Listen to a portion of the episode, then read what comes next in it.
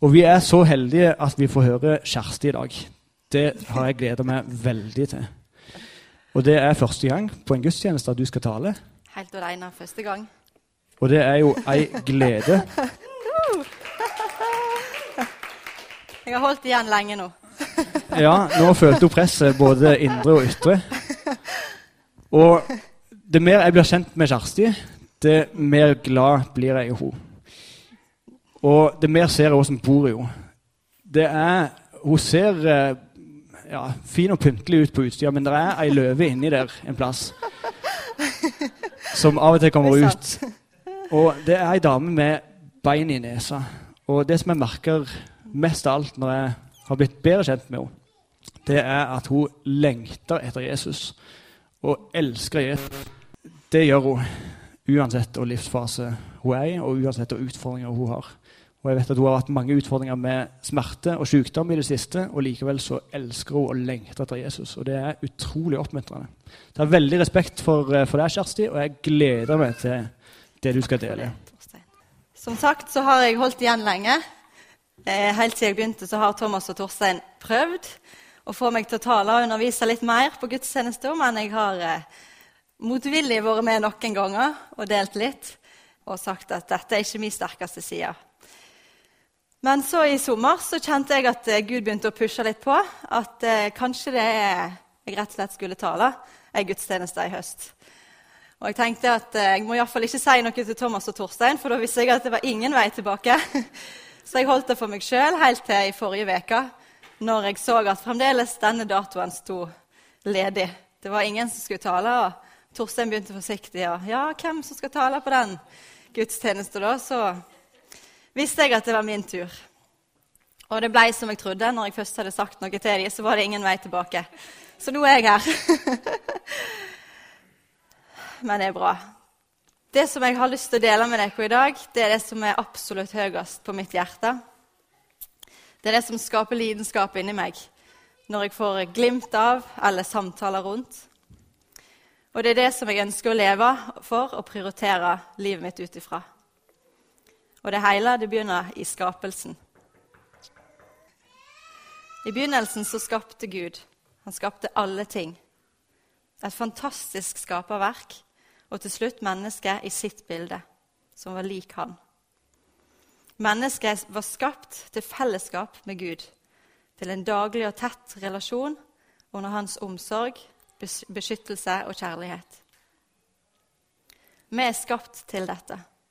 Vi er skapt i dette, og sånn var det fra begynnelsen av. Det var sånn det var tenkt at det skulle være. Det var harmoni og fullkomment fellesskap fullkomment mellommenneskelig fellesskap og fullkomment fellesskap mellom menneske og Gud. Og Gud skapte oss ikke som nikkedukker eller roboter som responderer på hans kommandoer. Men han ønsker en selvvalgt, ekte kjærlighet til han. Og Derfor skapte han oss med en fri vilje. Mennesket i begynnelsen begynte å gjøre mot Guds vilje. Og det fikk noen fatale følger. Det fullkomne fellesskapet ble brutt. Sykdom og død kom inn i verden. Det var ikke meint at det skulle være sånn.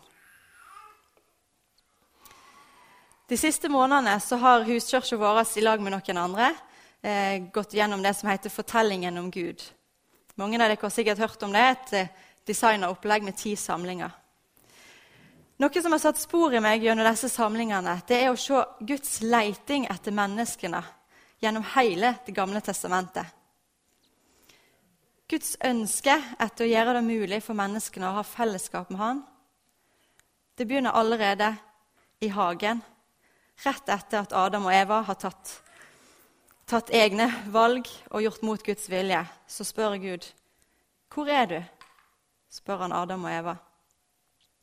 De prøver å gjemme seg, for de har tatt et valg vekk, som de vet er vekk fra Guds vilje. Gjennom hele Gamle testamentet så ser vi mennesker som vil klare seg sjøl, som trår feil, og det går skikkelig dårlig. Mens Gud han ser alltid etter løsninger, sånn at han kan invitere til fellesskap med mennesket igjen. Mennesket trår feil og trår feil, og de klager og roper til Gud når de er i nød. Men utenom dette så vil de klare seg sjøl. Men Gud han gjør det mulig å ha fellesskap ved fastsatte prosedyrer og et villig hjerte. Gud lengter etter fellesskapet med mennesket, sånn som han hadde skapt det, sånn som det var tenkt å være. Og det gjør han stor smerte å se deres valg som holder de borte ifra han. I Gamle testamentet så ser vi at Gud lager midlertidige løsninger for at menneskene kan få være i hans nærhet. Men så peker det òg på en endelig løsning som kommer for å gjenopprette relasjonen en gang for alle. Og denne løsningen er Jesus, Guds sønn.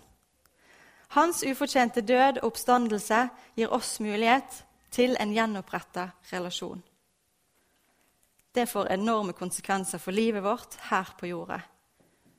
Og det får enorme konsekvenser for utgangen av dette livet. 1. Johannes 4, 9-10. Og ved dette ble Guds kjærlighet åpenbart blant oss, at Gud sendte sin enbårne sønn til verden, for at vi skulle få leve ved ham.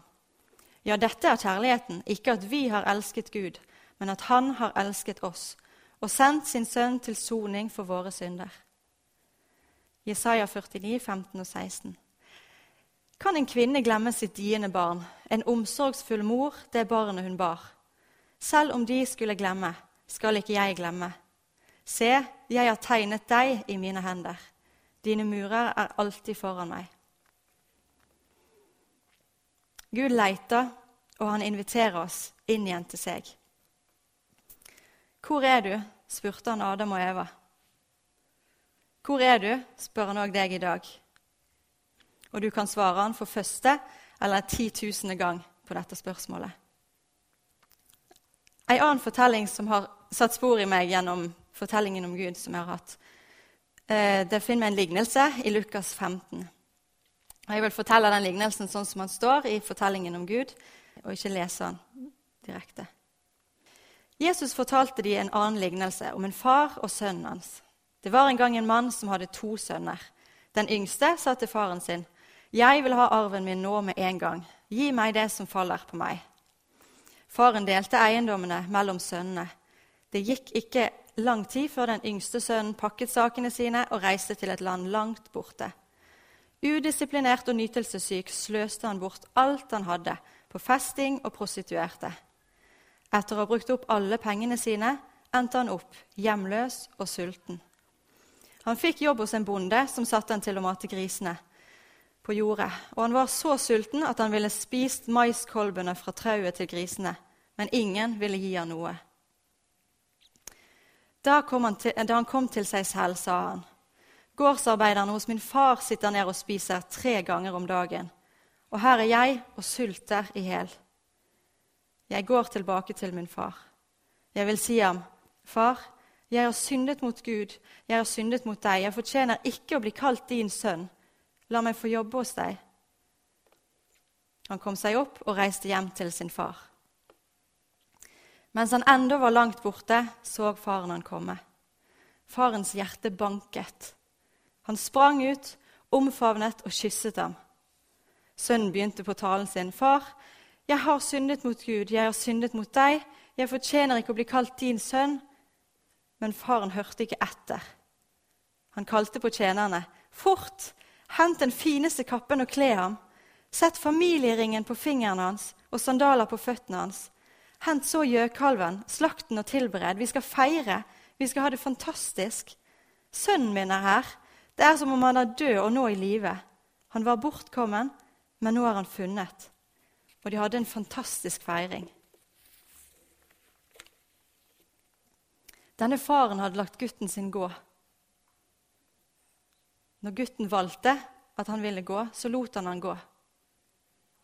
Men faren hadde ikke slutta å bry seg om han, og kjærligheten til sønnen sin var like stor. Farshjertet banka like sterkt for han, sjøl om gutten hadde valgt å gå og han venta og så etter han. Og mens han var langt borte, så kjente han han igjen. Sitt elskede barn.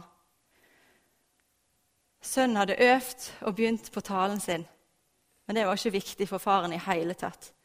Han var bare ubeskrivelig glad for at han var tilbake igjen.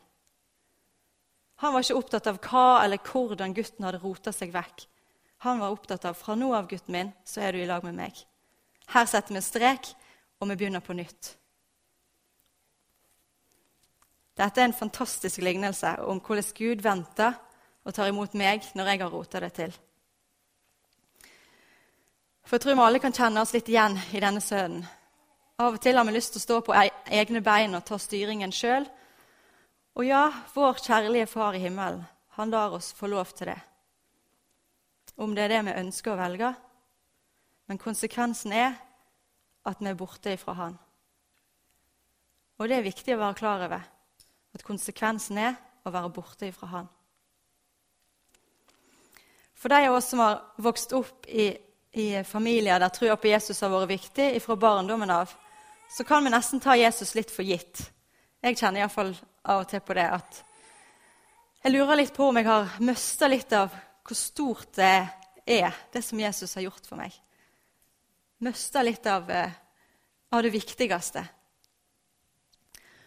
Og så kjenner jeg også at Av og til så kan jeg falle i de tankene og tenke at eh, disse fortellingene i Bibelen de er forbeholdt meg, min familie og de som kjenner til det. Eh, det er uinteressant for de andre. Gud leita etter meg til han fant meg. Og han har leita etter deg til han fant deg. Men vet du hva? Han leiter like mye etter naboen din, kollegaen din. Han leiter like mye etter hun som du alltid treffer når du går tur. Eller den kollegaen som du alltid treffer i kantina. Guds fars hjerte banker like mye for deg som for deg. Og hvordan, hvordan kan vi da la være å si noe til dem? Jeg syns det høres rimelig urettferdig ut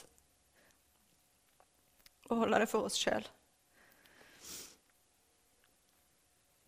Guds plan er så mye større enn bare deg og din familie, eller meg og min familie. Vi som har fått det med oss fra barnetrua eller ungdomstida. For oss er disse tingene som selvfølge. Men for svært mange som vi omgås, og jeg våger å si daglig, så er dette her fremmed. Det er helt fremmed. Og det òg har jeg fått åpna øynene mine for gjennom fortellingen om Gud som jeg har hatt med noen som dette har vært helt fremmed for.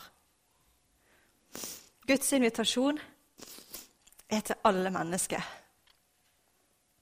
Og han spør alle mennesker hvor er du? Vi kan tenke på eller snakke i lag om hva er Guds plan med mitt liv. Vi er på jakt etter den store planen, en helt spesiell og unik plan for oss. Og i vår sjølsentrerte verden så kan fort mitt liv få større plass enn Guds plan. Så hva om vi snur litt på dette og heller spør hva er Guds plan, og hvordan passer jeg inn? Hvordan kan jeg tjene inn i Guds plan? Ved å snu på dette spørsmålet så legger vi ned mye av vår egen agenda og lar Guds agenda styre livet vårt. Da har du langt på vei fått noen svar på dette spørsmålet. Guds plan er frelse for alle mennesker. At Jesus skal bli kjent og fulgt av alle mennesker. Guds plan er frelse for alle mennesker, og at Jesus skal bli kjent og fulgt av alle mennesker. Hvordan kan du passe inn eller tjene inn i denne planen? Første kor 3-5. Hva er vel Apollos, hva er Paulus, tjenere som hjalp dere til tro? Begge gjorde vi det Herren hadde satt oss til. Jeg plantet, Apollos vatnet, men Gud ga vekst. Derfor er det ikke noe verken de som plantet eller de som vannet. Bare Gud er noe, Han som gir vekst. Den som planter og den som vanner, er ett, men de skal få lønn hver etter sitt arbeid. For vi er Guds medarbeidere, og dere er Guds åkerland, Guds bygning. Vi er Guds medarbeidere. Vår oppgave er å plante og vatne eller så, som også kan se i Markus 3. Og Guds oppgave er å gi vekst og røre ved menneskene. Det er ikke vår oppgave å overbevise noen eller verve noen til en sak. Det er ikke det det handler om. Vi skal få så og få deler av vår tro og gå med det vi har fått. Og Guds kraft, den virker når du tar det du har fått, og lyder i de små tingene. Det er ikke avgjørende hvor mye du har fått, men hva du gjør med det du har fått.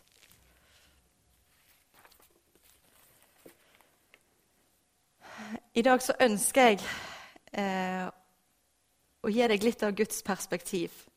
Og jeg ønsker å inspirere og oppmuntre til å dele trua med de som du har i din omgangskrets. For vi har alle fått innpass i forskjellige miljø og til forskjellige folk.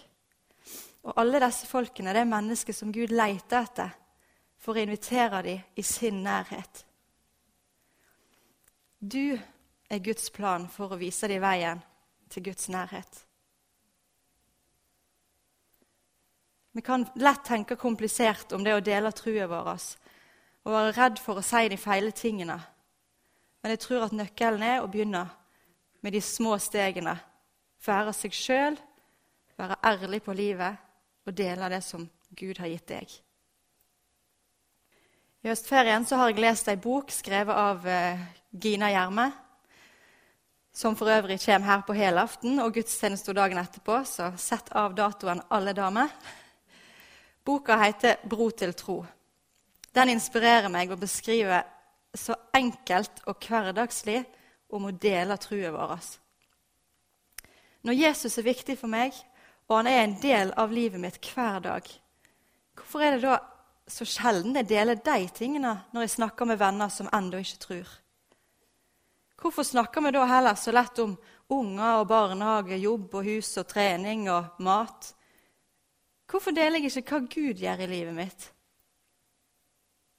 Hvorfor deler jeg ikke den oppmuntringen jeg fikk når jeg leste? Eller den tryggheten jeg kjenner på at jeg alltid kan be til Gud og ha Han med på laget? Hvorfor deler jeg ikke om bønnesvaret jeg fikk, eller bønnesvaret jeg ikke fikk? Det er en del av trua, det òg. Eller gleden jeg opplever i lovsangen. Eller om det er noen som strever med sykdom. Hvorfor, hvorfor er det så vanskelig å si kan, 'Hvis du ønsker, så kan jeg be for deg', istedenfor å si 'Jeg tenker på deg'? Jeg tror at med å våge å dele disse tingene, så gjør det noe med oss på perspektivet vårt. Det gjør noe med vennskapet. Og vi får dele levd liv i lag. Og Gud kan bli synlig midt i hverdagen. Et eksempel fra Ginas bok. Når hun var ute og kjørte med en kollega som ikke tror på Jesus, så spurte hun kan jeg få lov til å dele en sang med deg som har vært viktig for meg eh, den siste tida. Og Det var greit det for kollegaen, så de satte den på og hørte i bilen.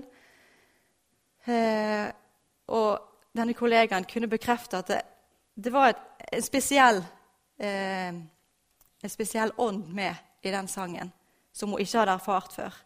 Og de fikk en god samtale rundt tru ut ifra det.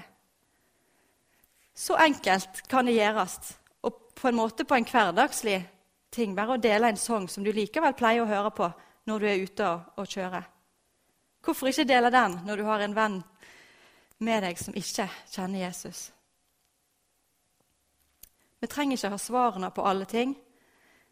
Det har iallfall ikke jeg. Men mine erfaringer med Jesus og hva han betyr for meg, det kan jeg dele med andre. Da kommer jeg litt mer på dypet. Markus 16, og han sa til dem.: Gå ut i hele verden og forkynn evangeliet for alt som Gud har skapt. Markus 16, 15. Gå ut i hele verden og forkynn evangeliet for alt som Gud har skapt. Dette vil jeg være med på. Og dette drømmer jeg og ber om at skal skje i vår by og vårt land. At tru blir delt i nabolag, på idrettsarena, på skoler og bedrifter, i hverdagen der livet leves. At vi får oppleve at Gud gir vekst, og at han stadig berører nye mennesker ved at de tar imot evangeliet og kommer til tro på Han. Og jeg ber om at jeg og du, som har vært kristne i mange år, ikke skal glemme det aller, aller viktigste. At Jesus døde en gang for alle, sto opp igjen og gjorde invitasjonen til fellesskap med en levende Gud åpen for hvert eneste menneske som vi treffer på hver eneste dag. Vi er kalt til å dele dette. Vi er kalt til å gi glimt av Gud i vår verden. Til å være en døråpner, sånn at flere kan gi responsen til Gud på hans spørsmål. Hvor er du? Skal vi be. Takk, Herre, for at du er her. Takk for at du leter etter alle mennesker. Takk for at du ønsker en tett og nær og kjærlig relasjon til hvert et menneske på jorda vår. Herre, løfter fram for deg alle venner som jeg har, som jeg ikke kjenner deg. Hjelp oss, Herre, til å våge å vise glimt av hva du gjør i vårt liv med deg. Hjelp oss, Herre, til større frimodighet i møte med de, Herre. Takk for at du aldri slutter å kalle på folk. Jeg ber Herre om at du hjelper oss til å, til å så og vatne. Og jeg ber om at du gir veksten, Herre. Jeg ber om at vi må få se at mange kommer til tro i byen vår og landet vårt. Kom, gode far. Vi skal nå ha litt god tid til lovsang, tilbedelse og forbønn blir det muligheter for. Eh, jeg ønsker å invitere spesielt eh, til forbønn for dere som ønsker å gi respons på Guds spørsmål om hvor er du Kanskje du trenger en ny start med Jesus. Eller kanskje du kjenner at 'dette vil jeg være med på', og trenger at noen er med og ber om kraft og mot til å gå. Så ønsker jeg òg å invitere deg som, som, kjenner at du har venner at du har lyst til å, å, være mer ærlig om livet med Jesus i lag med, og ønsker å be for disse i lag med noen andre, så er det mulighet for det nå. Så bruk tida i bønn og tilbedelse. Be gjerne for venner som Gud minner deg på, som ikke kjenner han. Eh, skriv de ned og husk å be for dem.